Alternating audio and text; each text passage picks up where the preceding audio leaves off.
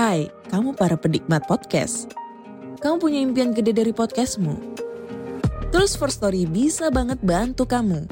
Mulai dari F-Link, Dynamic Audio Insertion, sampai statistik yang komprehensif. Semua ada di First Story. Gak ketinggalan kamu bisa monetisasi podcastmu lewat iklan dari First Story Ads yang bisa kasih kamu penghasilan dari setiap place podcastmu. Yuk gabung sekarang dengan klik di firststory.me. Sekali lagi, klik di firststory.me. Mari kita bawa mimpi podcastingmu menjadi kenyataan. Hello? Hello? Podcast Network Asia. Lisir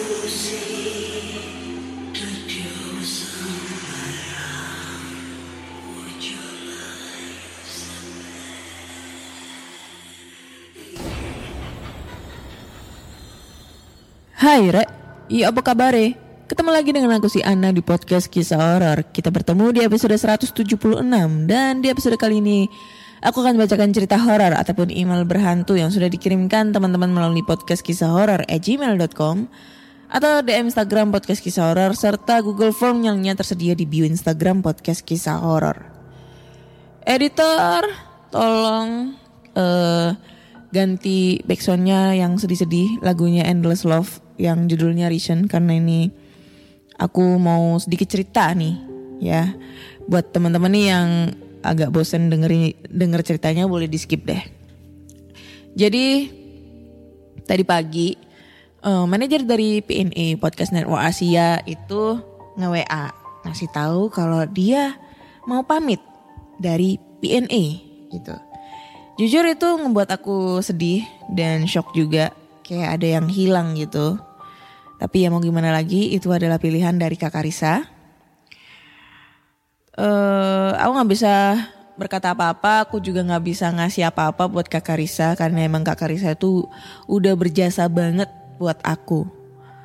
Ya mungkin aku bisa cuma cuma bisa mengucapkan terima kasih banyak udah mempercayakan aku dan podcast kisah horor buat bergabung di podcast Network Asia.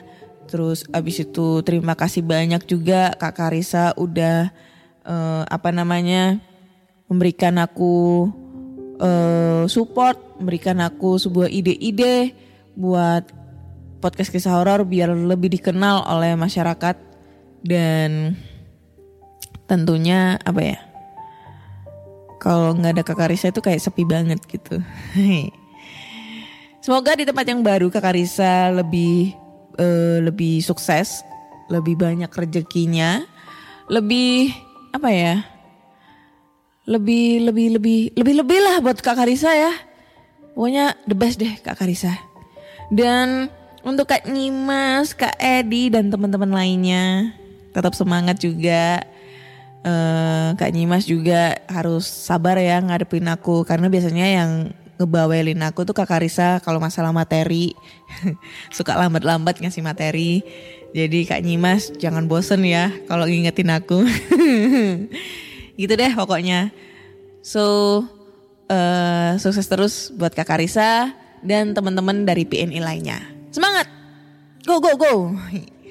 Oke editor, ganti backsound serem lagi.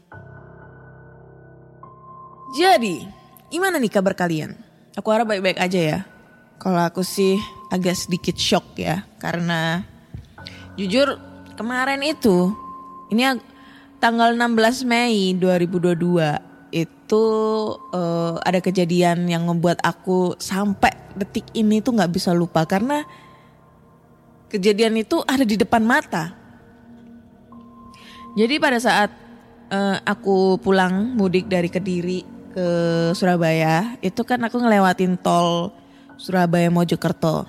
Nah, pada saat di daerah Mojokerto itu ada kecelakaan hebat banget bus pariwisata yang ngebuat eh, penumpangnya itu semuanya pada luka-luka dan sebagian juga ada yang meninggal dunia di tempat. Itu apa ya? Kecelakaan yang terhebat yang pernah aku lihat sepanjang hidup gitu loh. Karena sampai banyak eh, orang yang kehilangan nyawa juga gitu. Jadi busnya ini nabrak tiang baliho, tiang apa ya? Pokoknya tiang-tiang iklan gitu yang ada di pinggir tol gitu. Dan itu, uh, apa ya? Merinding aku ngelihatnya cuy, karena jarak kecelakaan itu sekitar 2 km di depan aku. Dan seketika itu langsung macet jalanannya itu. Kalau pendengar dari Surabaya pasti tahu ini kejadian di mana. Dan rombongan tersebut itu rumahnya itu deket sama rumah aku. Ya sekitar jaraknya kurang lebih 2 km juga. Jadi eh, daerah Benowo, sedangkan rumahku kan daerah daerah Manuan. Manuan ya, jok ngeres nih. Manuk-manuk nanti. nah, itu kan apa ya? Kayak ada suatu pertanda gitu. Pas kecelakaan itu kejadiannya kurang lebih 2 km dan eh, rumah dari rombongan tersebut itu jaraknya juga kurang lebih 2 km dari rumah. Ya walau walam ya. Tapi eh, terlepas dari itu semoga anggota keluarga yang ditinggalkan ini lebih tabah. Terus semoga korban-korbannya meninggal dalam keadaan husnul khotimah, diterima di sisi Allah Subhanahu wa taala dan apa ya? Jangan sampai kejadian ini terulang sama kalian. Jadi buat temen-temen nih pendengar podcast kisah horor yang naik mobil, naik motor, mau di tol, mau di luar tol, tolong nggak usah ngebut-ngebut. Kalau ngantuk berhenti, berhenti di rest area atau berhenti di mana pun, nggak usah maksain buat nyetir karena ada keluarga yang menunggu di rumah dan jangan sampai merugikan orang lain dan diri anda sendiri. Oke, itu aja pesannya. Jangan eh apa namanya? Jangan memaksakan untuk menyetir kalau keadaan lagi ngantuk atau sakit itu aja. Karena emang pada saat kejadian itu eh, diduga sopirnya mengantuk gitu. Oke, langsung aja kita masuk ke cerita horor dan cerita pertama ini datang dari Google Form. Oke. Cerita pertama ini datang dari namanya Fahris. Judulnya adalah Solat. Assalamualaikum Kak Ana. Saya Fahris dari Medan. Horas bah.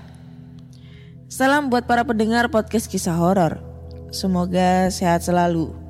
De, ah, di sini aku ingin berbagi kisah pengalamanku di masa kecil dulu, yang sampai sekarang masih terngiang-ngiang terus di kepala. Cerita ini terjadi saat aku masih kecil. Mungkin kelas 2 atau 3 SD kali ya. Waktu itu, rumahku dan rumah sepupuku saling terhubung dapurnya. Dulu rumahku berjualan rumah makan Padang. Dengan dapur yang saling terhubung jadi jadi cukup luas untuk kami bermain. Mulai dari kejar-kejaran hingga permainan yang lainnya. Suatu ketika di malam hari, mungkin sekitar jam 9 malam, terjadi mati lampu di daerahku. Berhubung di zaman itu kami tidak punya senter yang main charger atau baterai, jadi satu-satunya penerangan di rumah kami hanya menggunakan lilin atau lampu teplok yang pakai minyak api. Walau dalam kondisi yang remang-remang dan sudah malam hari, aku dan sepupuku itu masih terus bermain. Kalau nggak salah, waktu itu kami bermain petak umpet. Dan giliran aku yang menjaga. Dia yang bersembunyi. Aku mencarinya ke rumahku dan dia tidak ada. Jadinya aku pergi ke rumahnya yang di belakang rumahku itu. Waktu itu di teras depan rumahnya ada pohon mangga. Kalau sekarang udah nggak ada. Aku berkeliling rumahnya, tapi tetap tidak mendapati dia ada di mana. Hingga aku melewati pintu kamar orang tuanya yang terbuka lebar. Oh iya, orang-orang di rumah lagi pada berkumpul di warung makan waktu itu. Jadi di rumah dia ini tidak ada orang. Lanjut, aku lihat cahaya lilin dari kamar itu. Padahal tadi pas lewat depan kamar pintunya masih tertutup. Aku juga tidak mendengar ada suara orang buka pintu. Karena ingin kembali ke rumah, aku pun melewati kamar tersebut. Tapi pas lewat depan kamar, aku melihat lagi ada orang sholat. Kupikir itu ibunya karena pakai telekung atau mukena. Soalnya sepupuku ini tinggal bersama abangnya dua orang dan ibunya saja. Ayahnya sudah cerai. Jadi tanteku ini satu-satunya wanita yang tinggal di rumah itu. Aku melihat beberapa saat tapi kayak ada yang aneh. Sosok tersebut tidak punya pantulan bayangan dan sholatnya hanya berdiri saja tanpa melakukan ruku. Pikirku tante membaca surah yang panjang, jadi lama berdirinya. Aku pun bergegas kembali ke depan dan sesampainya di depan rumahku, semua orang pada berkumpul di situ termasuk sepupuku dan tanteku. Aku langsung berteriak ke arah mereka sampai membuat nenek dan bapakku panik menanyakan ada apa. Aku pun menjelaskan apa yang aku lihat tadi di rumah tante. Mereka pun langsung terdiam semua. Nggak lama tante, ayah, nenek, dan sepupuku mengecek kamar tersebut untuk memastikan ada orang apa tidak. Ternyata benar, tidak ada siapa-siapa di kamar itu dan lilinnya juga mati. Kamar tersebut gelap. Telekungnya masih di posisi yang sama saat tanteku selesai melaksanakan sholat isya. Terus siapa yang kulihat tadi? Apa itu makhluk halus yang sedang sholat? Sampai sekarang kalau dipikir-pikir suka bikin merinding ngebayanginnya. Oh ya kak, aku juga punya pengalaman pas lagi sholat kayak ada yang ganggu gitu. Mulai dari bayangan kecil yang lari kenceng di dekat kakiku, sampai kayak ada orang yang berdiri memperhatikanku dari belakang. Mungkin itu yang dinamakan hantu makmum persis seperti di film Makmum. Dan pas aku search, emang bener hantu itu suka sekali ganggu kita pas beribadah. Oke, ini ceritanya selesai. Ini lumayan serem ya ceritanya ya. Ini sama banget kejadiannya kalau semisalnya di rumahku lampu mati. Jadi zaman nah, zaman aku kecil itu Ih suka banget sama film-film horor, terutama filmnya Susana tuh ya, the best ratu horor. Itu suka banget ngeliat, terus kadang itu suka nonton Kismis, kisah-kisah misteri ini anak 90-an pasti tahu Kismis. Nah, zaman aku kecil SD itu rumahku itu masih yang di rumah lama yang sekarang ditempatin sama kakakku dan rumahnya itu lumayan gede dan sepi juga pokoknya area situ. Nah kalau setiap ma lampu mati, sumpah gue suka explore.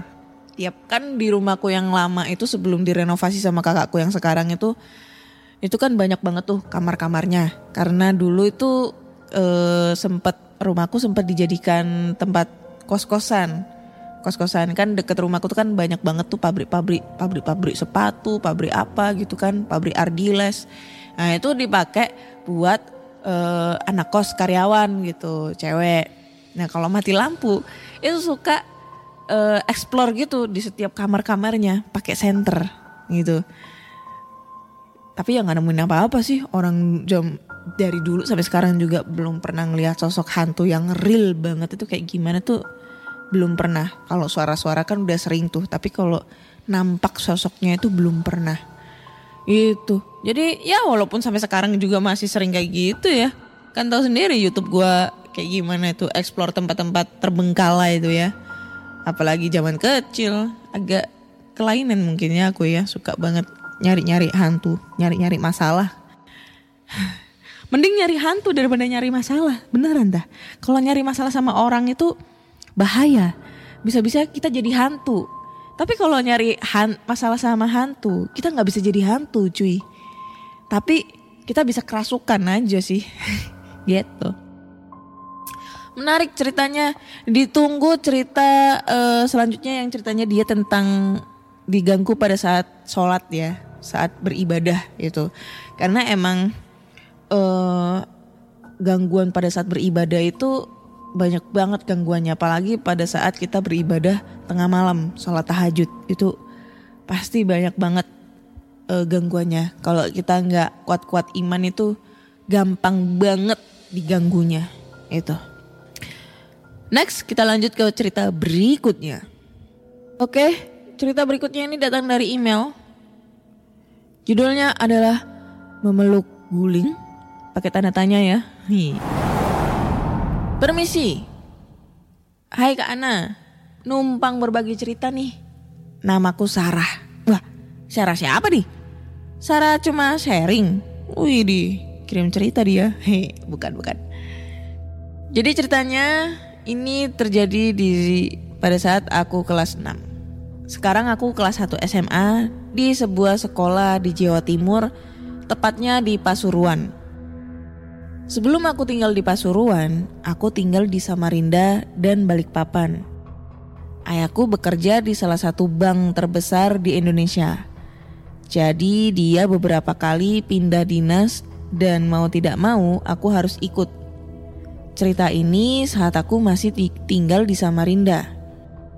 Saat itu aku kelas 6 SD atau kelas 1 SMP. Aku lupa tepatnya. Aku tinggal di sebuah rumah tua Aku menempati rumah ini sejak kelas 5 SD. Rumah itu rumah dinas, halamannya luas sekali. Garasinya cukup sampai 5 mobil sekaligus. Rumah tersebut memiliki ruangan-ruangan seperti rumah pada umumnya. Ruang tamu, ruang keluarga, tiga kamar tidur, dan dua kamar mandi. Ruang makan, serta dapur. Tapi ternyata di belakang dapur rumah tersebut terdapat lantai yang menurun ke bawah dan ada tiga ruangan kosor. Eh kosor, kosong.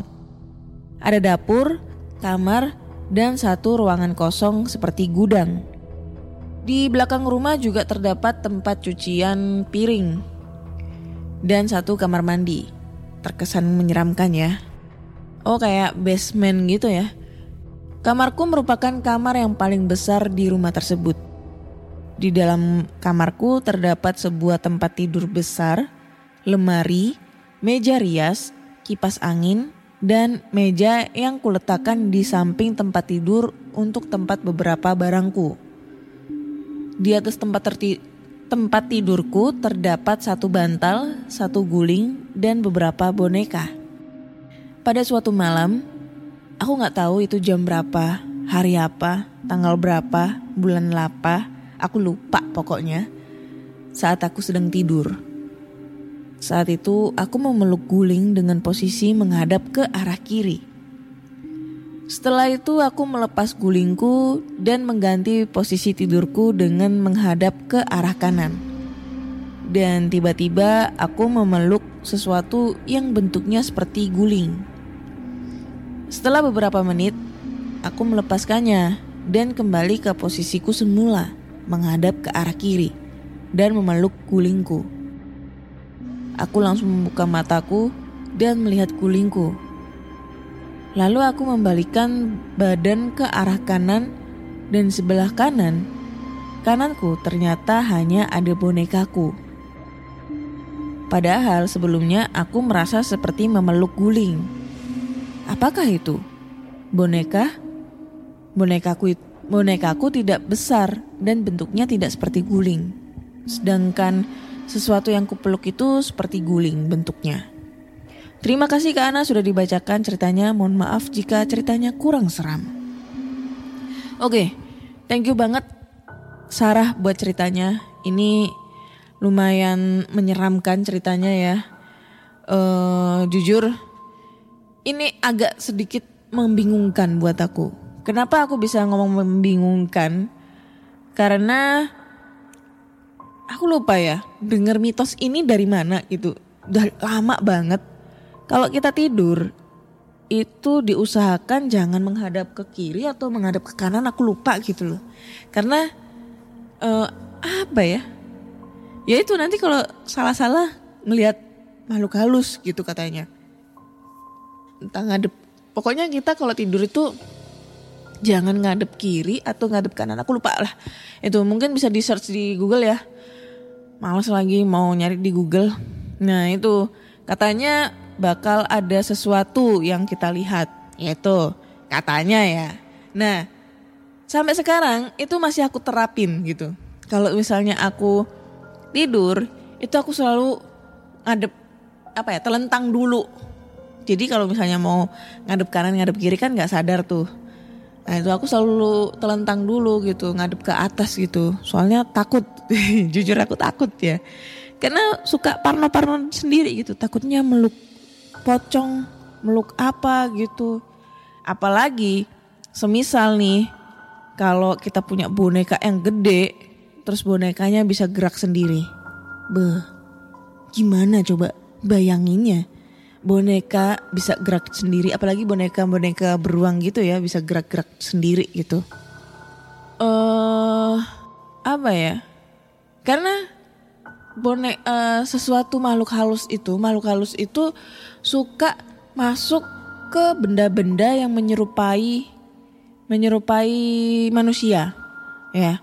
Maksudnya yang menyerupai manusia itu yang mempunyai benda yang mempunyai tangan, yang mempunyai kaki. Contoh boneka, ya kan, yang mempunyai mempunyai tangan, mempunyai kaki gitu. Terus patung. Abis itu lukisan, kayak gitu-gitu. Nah, itu yang membuat aku sampai sekarang gue tuh nggak pernah punya boneka. Satu doang sih boneka, sapi. Itu buluk banget udah berapa tahun, puluh tahun, tapi tetap juga kalau misalnya nggak sengaja ngelihat eh, video-video yang boneka bisa gerak sendiri itu jadi jadi parno gitu ngelihat boneka aku sendiri gitu ya. Soalnya ya itu tadi ya takut gitu ngebayangin seandainya kalau itu bonekanya gerak-gerak diri gitu goyang-goyang kayak kayak kayak ini Anabel Anabel nah itu suka ngebayangin gitu di jadi pernah nggak kalian ngedengar pernah ngedengar mitos tentang posisi tidur yang baik gitu Eh, menghadap ke mana?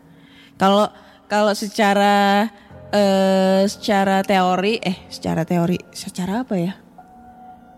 Ya pokoknya secara masuk akalnya gitu kita nggak boleh tidur telentang sini telentang situ. Eh ngadep sini ngadep situ karena mungkin peredaran darah di tubuh kita nanti jadi gak bakalan eh, lancar gitu ya. Tapi kan kalau secara mistis gitu kita kan nggak tahu kenapa itu bisa terjadi gitu. Kalau sampai kita melihat pocong tidur di sebelah kita adep-adepan mana mukanya hancur hitam semua terus abis itu ada kapas di hidungnya matanya melotot gitu. Putih semua anjay. Mana bau bangkai. Oh my gosh. Itulah next lanjut ke cerita berikutnya cerita berikutnya ini judulnya adalah peniru ibu Anjay. halo kak Ana aku Eca langsung aja ya Dulu waktu rumah aku masih belum dan baru jadi, saat itu aku mungkin masih sekitar kelas 6 SD. Aku lumayan sering ditempa, ditampakin sama makhluk-makhluk yang ada di rumahku itu. Sampai sekarang masih sih, tapi udah jarang. Mungkin waktu itu mereka mau kenalan kali ya. Gak tahu kenapa, cuma aku doang yang pernah ditampakin. Sedangkan keluargaku gak pernah. Nah, yang mau aku ceritain sekarang cuma salah satu dari yang pernah aku alamin. Di saat rumahku masih belum jadi. Waktu itu cuma tinggal loteng rumahku yang masih belum selesai. Kejadiannya siang-siang saat tukang-tukang lagi ngerjain tuh loteng. Aku yang lagi perlu duit buat jajan langsung datengin ibuku yang ada di dapur. Lokasi dapur ada tepat di bawah daerah loteng. Jadi kelihatan tuh para tukang. Aku lupa sih waktu itu apa yang dikerjain ibuku di dapur. Pokoknya aku langsung datengin beliau dan bilang minta duit. Awalnya sih diem aja.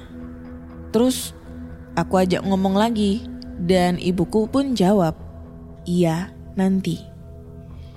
Lupa suaranya pelan atau enggak. Eh.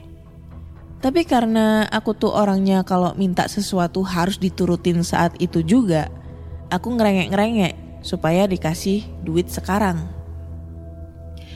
Tapi ibuku bukannya langsung kasih duit, malah langsung ngeloyor masuk kamar mandi tanpa menyalakan lampu, alias dalam keadaan gelap. Posisi kamar mandi ada di dekat dapur. Aku tungguin lah di depan kamar mandi dengan gak sabar. Tapi kok gak kedengaran aktivitas apa-apa di dalam kayak suara air atau apa gitu. Udah beberapa menit ibuku gak keluar-keluar. Akhirnya aku ketoklah pintunya sambil ngomong. Bu, ngapain sih di dalam? Lama banget. Kok gak ada jawaban?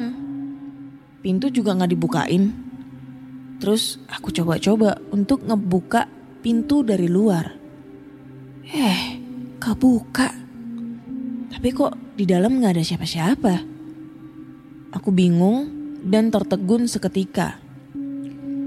Cuma masih gak ngeh dan gak ngira yang aneh-aneh.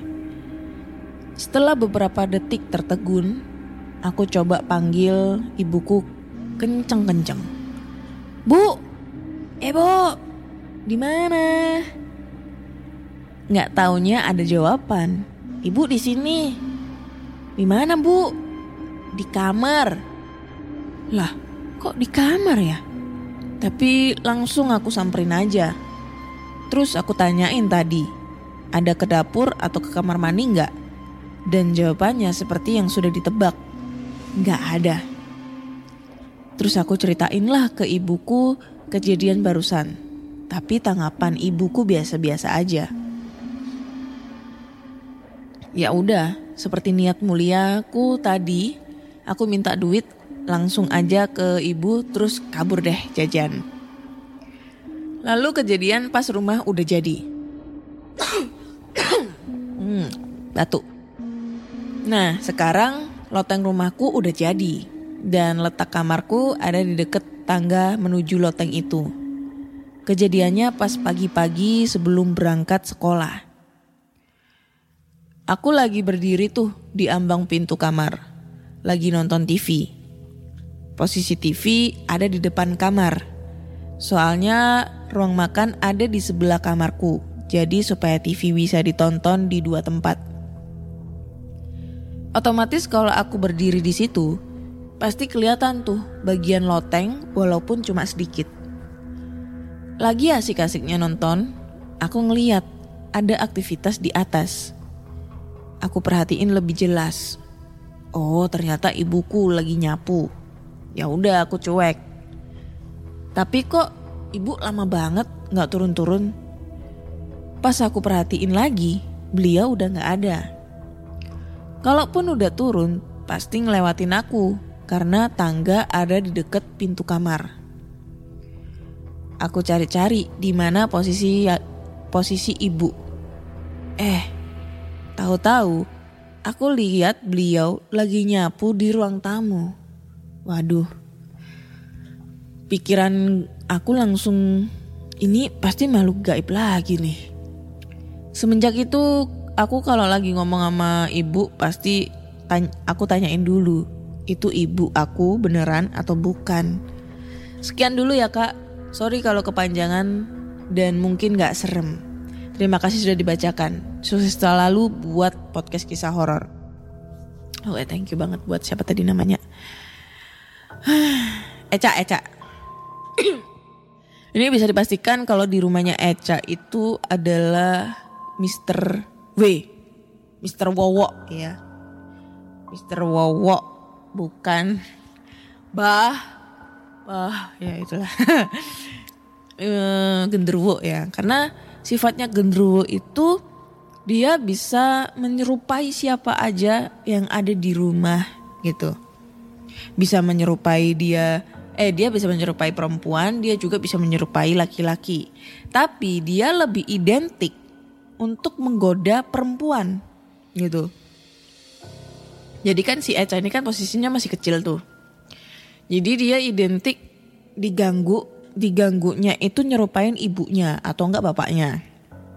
Nah, kalau yang diganggu itu ibunya itu lebih identik untuk menyerupai eh bapaknya, su- suaminya karena kan hmm, sifatnya dia itu kan genit tuh, suka suka suka ngegoda cewek-cewek kayak gitu. Jadi keung eh, kalau semisalnya kalian ketemu sama orang yang menyerupai di dalam rumah gitu, apa menyerupai anggota keluarga kalian di rumah, itu sudah dipastikan kalau di rumah kalian itu ada Mr. Wowo karena dia keunggulannya bisa menyerupai apa double double double crank. Ah nggak ngerti bahasa Inggris jancuk pokoknya dia bisa nyerupai lah gitulah. Bisa jadi duplikat gitu.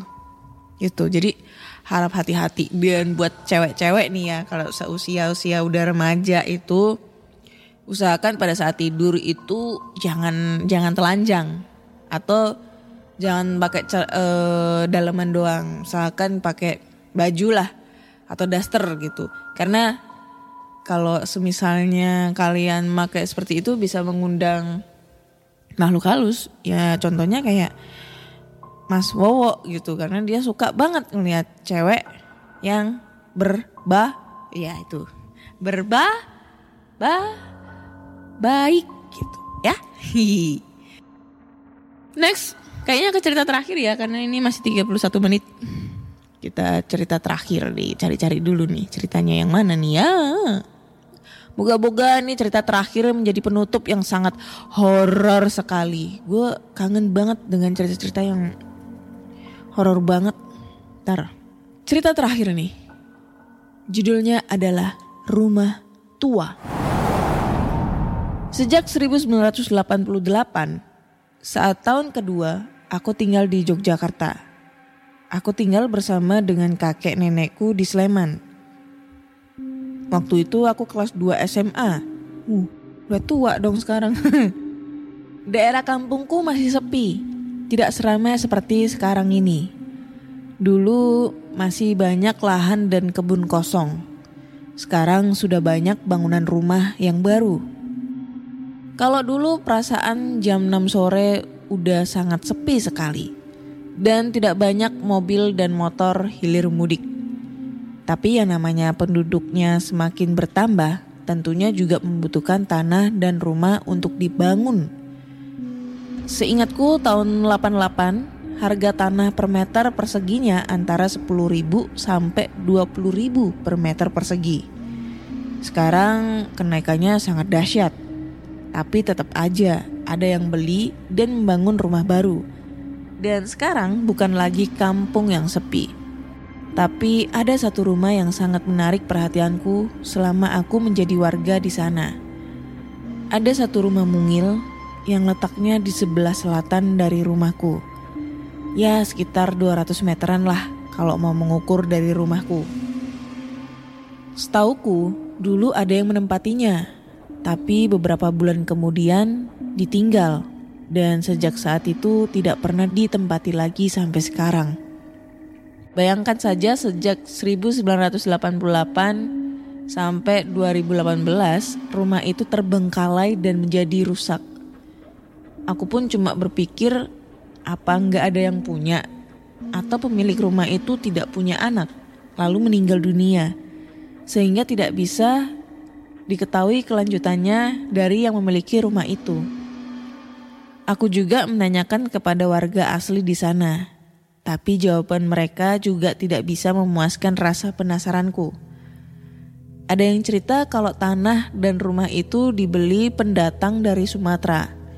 Kemudian dia pulang kembali ke Sumatera. Dan selanjutnya tidak ada yang tahu kabarnya lagi. Ada juga yang mengatakan milik orang dari Semarang yang bekerja sebagai pelaut di kapal pesiar. Lalu ada yang berusaha menghubunginya untuk membeli rumah dan tanah tersebut, tapi ditolak dengan alasan tidak dijual. Tapi ya anehnya sampai sekarang rumah itu tidak diurusnya. Mungkin saking punya uang banyak, belum merasa perlu untuk menjual rumah itu. Tapi ya itu rumah dibiarkan rusak dan gelap seperti itu sampai sekarang. Dan jadi rumahnya MG yang jadi korban teror yang penduduk ya penduduk sekitar. MG itu makhluk gaib ya. Dulu di sebelah kanan kirinya hanya kebun atau tanah kosong. Dan waktu itu jarak antara rumah satu dengan yang lain agak berjauhan. Di depan rumah itu juga hanya tanah kosong. Terkadang dulu kalau aku lewat depan rumah itu pada saat malam hari agak was-was juga. Maklumlah, penerangan juga secukupnya. Sedangkan di depan rumah itu dulu banyak pohon rumpun bambunya yang rimbun. Tinggi menjulang dan sekitar rumah itu eh tinggi menjulang dan besar-besar. Jadi sungguh menambah kegelapan, kesunyian dan keangkeran jalan di di sekitar rumah itu. Tapi sejujurnya Selama aku melewati depan rumah itu, tidak pernah mengalami hal-hal yang menakutkan. Hanya saja sering merasakan sesuatu yang lain, minimal membuat bulu kuduku berdiri. Oh ya, aku pernah dengar beberapa cerita dari warung angkringan yang biasa aku datangi setiap malam. Waktu masih bujang, sekarang sih juga masih, tapi udah sangat jarang dan sekitar tahun 2009 jadi pos untuk ronda malam Selasa. Setelah berkeliling kelam, berkeliling kampung untuk sekedar membeli minuman hangat. Korbannya adalah langganan dari warung angkur, angkringan itu. Tapi bukan warga kampungku. Jadi sekitar jam satuan malam, warung angkringan tersebut sudah akan ditutup. Lalu pulanglah Bapak A menuju ke rumahnya. Mau nggak mau, beliau harus melewati jalan depan rumah itu. Saat sudah berada di depan rumah dan rumpun bambu itu, tiba-tiba di lengan kanannya ada sesuatu yang jatuh dari atas, menempel di lengannya.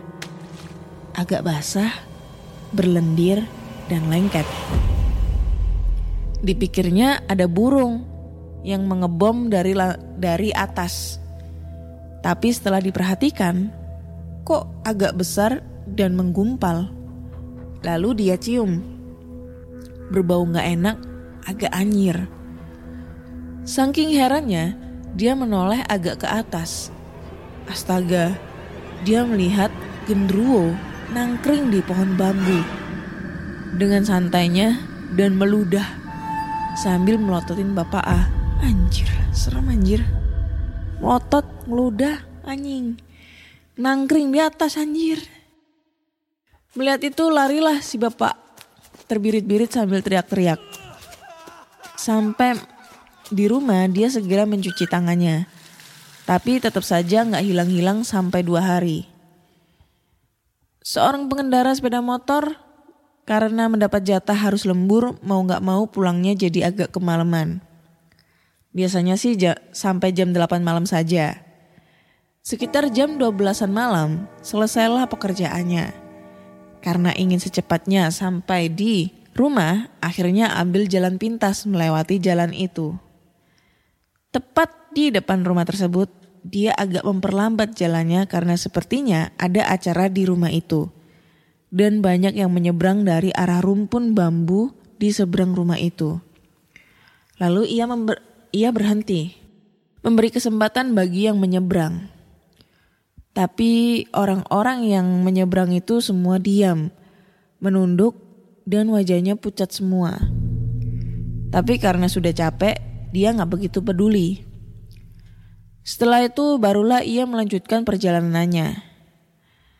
Suatu ketika tidak terlalu malam, ia kembali melewati rumah itu. Tetapi ia menjadi heran. Rumah yang kemarin terlihat bagus dan terang benderang sebelumnya terlihat rusak, gelap, dan dipenuhi semak-semak dan rumput-rumput liar. Tahun 90, jalan tanah sudah berubah menjadi jalan aspal. Tetapi masih belum banyak bangunan rumah yang baru. Karena kampungku relatif masih sepi waktu itu, sehingga banyak anak-anak ABG yang senang ngebut di jalan itu karena sudah diaspal. Ribut sekali pas setelah maghrib, karena banyak yang naik motor sambil ngebut Apalagi pakai knalpot yang dibikin suaranya biar keras. Entah penghuninya merasa terganggu atau bagaimana, banyak motor ABG-ABG labil itu yang sering kecelakaan di sekitar rumah itu. Tapi tidak sampai ada korban jiwa meninggal. Biasanya mereka mengerem mendadak karena tiba-tiba melihat ada wujud orang, tapi nah, ada wujud orang atau seperti pocongan yang menyeberang sambil lompat-lompat menuju ke arah rumah itu.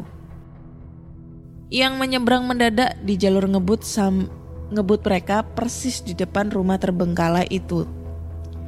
Mereka mengerim dan berusaha menghindari, sehingga sering menabrak rum, rumpun bambu yang ada di seberang rumah itu. Tapi kalau yang naik sepeda motor dengan kecepatan yang wajar tidak pernah diganggu. Nah, ini cerita yang terbaru. Sekarang, kanan dan kiri dan depan rumah tua itu sudah ada bangunan baru dan relatif sudah ramai dan dan ada lampu penerangan jalan yang cukup terang. Tetapi ada cerita kalau penghuni rumah yang berada di sebelah selatan rumah tua itu setelah rumah tua itu kalau ad, kalau dari arah rumahku mendapat teror gangguan makhluk goib. Sehingga belum ada satu bulan mereka meninggalkan rumah mewah itu. Karena tidak tahan dengan gangguan yang dialami setiap malam. Sebelum mereka menjual rumah itu, sengaja mereka meninggalkan dua anjing herder di rumah itu. Biar tidak dimasuki maling selama proses mencari pembeli baru. Setiap pagi, siang, dan menjelang senja, ada yang ditugasi memberi dua anjing itu makan dan minum, sekaligus mematikan dan menyalakan lampu di rumah itu. Tapi tidak tidur di sana. Entah bagaimana ceritanya, pada satu hari ada satu anjing yang mati, sedangkan satunya lagi terlihat seperti ketakutan dan stres. Sekarang sudah ada pemilik baru, tapi digunakan untuk kos-kosan. Mungkin karena sudah banyak orang, gangguannya menjadi berkurang. Bahkan tidak ada lagi. Demikianlah teman-teman hasil investigasi aku saat ronda. Semoga terhibur dan mohon maaf bila kurang seram dan seru. Terima kasih Kak Ana sudah dibacakan, semoga terhibur. Oke, terima kasih buat cerita penutup yang lumayan serem. Ya terbilang serem sih ya ini. Dan ini ceritanya rumahnya udah terbengkalai banget dari tahun 88 gila. Dan di saat tahun 88 nih masnya udah kelas 2 SMA. Jadi sekarang usianya berapa? Anda kata pada saat itu uh, kelas 2 SMA usianya 17 tahun. Ya. Gimana nih caranya? ngecek kalau 17 tahun. 2022 dikurangi 1988 sampai segininya cuy gue nyari usianya masnya itu berapa 34 tambah 17 wah usianya 51 tahun. Ini nggak salah karena di podcast kisah horor pas aku cek di analitiknya ada pendengar podcast kisah horor sekitar usia 45 sampai 60 tahun ngedengerin podcast kisah horor. Walaupun cuma beberapa orang gitu beberapa persen dari 100 persen. Gila segitu antusiasnya sampai beliau mengirimkan cerita yang lumayan begitu seram gitu ya di Yogyakarta lagi tempat kelahiran bapak saya itu ya. Aduh, serem mas. Terima kasih. Eh, maaf, bapak ini seharusnya saya manggilnya bapak bukan emas ini ya. Bapak. Terima kasih bapak untuk cerita seramnya. Ini kayaknya eh rumah-rumahnya itu model-model kayak rumah hantu Darmo di Surabaya ya. Tapi kan kalau kalau rumah hantu rumah hantu Darmo Surabaya itu kan rumornya karena memang rumah rumah pesugihan tuh ya kan rumah pesugihan. Kalau itu kan rumah yang emang udah ditinggalin lama tapi sama yang punya itu nggak dijual. Tapi sekarang rumah hantu Darmo itu udah nggak serem lagi karena udah ada yang beli dan udah direnovasi gitu nggak tahu sih setelah direnovasi apakah eh, akan ada yang tinggal betah atau mungkin seperti yang pemilik sebelumnya cuma beberapa bulan terus ditinggalin gitu aja. Masih belum tahu sih itu emang udah dibeli atau emang dibangun oleh sanak keluarganya gitu. Jadi kemarin aku lewat itu udah lama sih aku cerita ya. Kemarin lewat itu udah di tembok tembok dipaker tembok tinggi terus udah direnovasi gitu diperbaikin. Itu serem cuy. Ya jelas lah kalau emang makhluk halusnya banyak banget karena emang dari 88 sampai 2018 itu rumah nggak ditempatin tapi sekarang udah ditempatin malah dijadikan kos-kosan ya. Gila. Gila gila gila gila gila gila. Itu berapa tahun itu jir 2018. tar hitung-hitungan lagi nih. 2018 dikurangi 1988. 30 tahun itu rumah kosong. Anjay ya iyalah serem banget. Dan zaman itu harga eh, uang satu perak satu perak loh ya 10 perak wes. 10 perak itu sangat berarti banget masih laku. Zaman aku masih sekolah tahun ya, ya pokoknya zaman aku lahir aku lahir tahun 91 itu antara 91 sampai 2000-an uang 25 perak itu masih laku cuy. 25 perak bisa beli es lilin. 25 perak bisa beli permen. 25 perak bisa beli apa ya? Eh beli beli apa ya? Beli kecap. Soto satu mangkok. Waktu itu harganya seribu perak. Bayangin seribu perak dapat semangkok sekarang 15 ribu semangkok. Apalagi makan di soto cahar. Kalau orang Surabaya pasti tahu soto cahar. 25 ribu semangkok. Dulu seribu semangkok. Udah kenyang. Mahal. Sekarang ya karena memang udah udah eh, zaman semakin maju ya. Semua serba ser- serba modern gitu. Kita udah punya handphone modern. Kalau nggak punya handphone Apple Croa ya Apple Apple kegigit gitu nggak bakalan boys kita ya nggak bakalan eh, nggak punya temen ya kan? Apple lo apa? Gue iPhone gitu. Udah deh kayaknya cukup sekian dulu cerita dari episode 176 ini. So buat teman-teman semua yang punya cerita-cerita horor nih, kalian bisa langsung aja kirim ceritanya ke podcast kisah horor at gmail.com atau DM Instagram podcast kisah horor serta Google Form yang tersedia di bio Instagram podcast kisah horor. Jangan lupa dengerin podcast kisah horor di Spotify, Google Podcast, Apple Podcast serta di Noise. Akhir kata saya Ana undur diri. Undur diri dan bye-bye.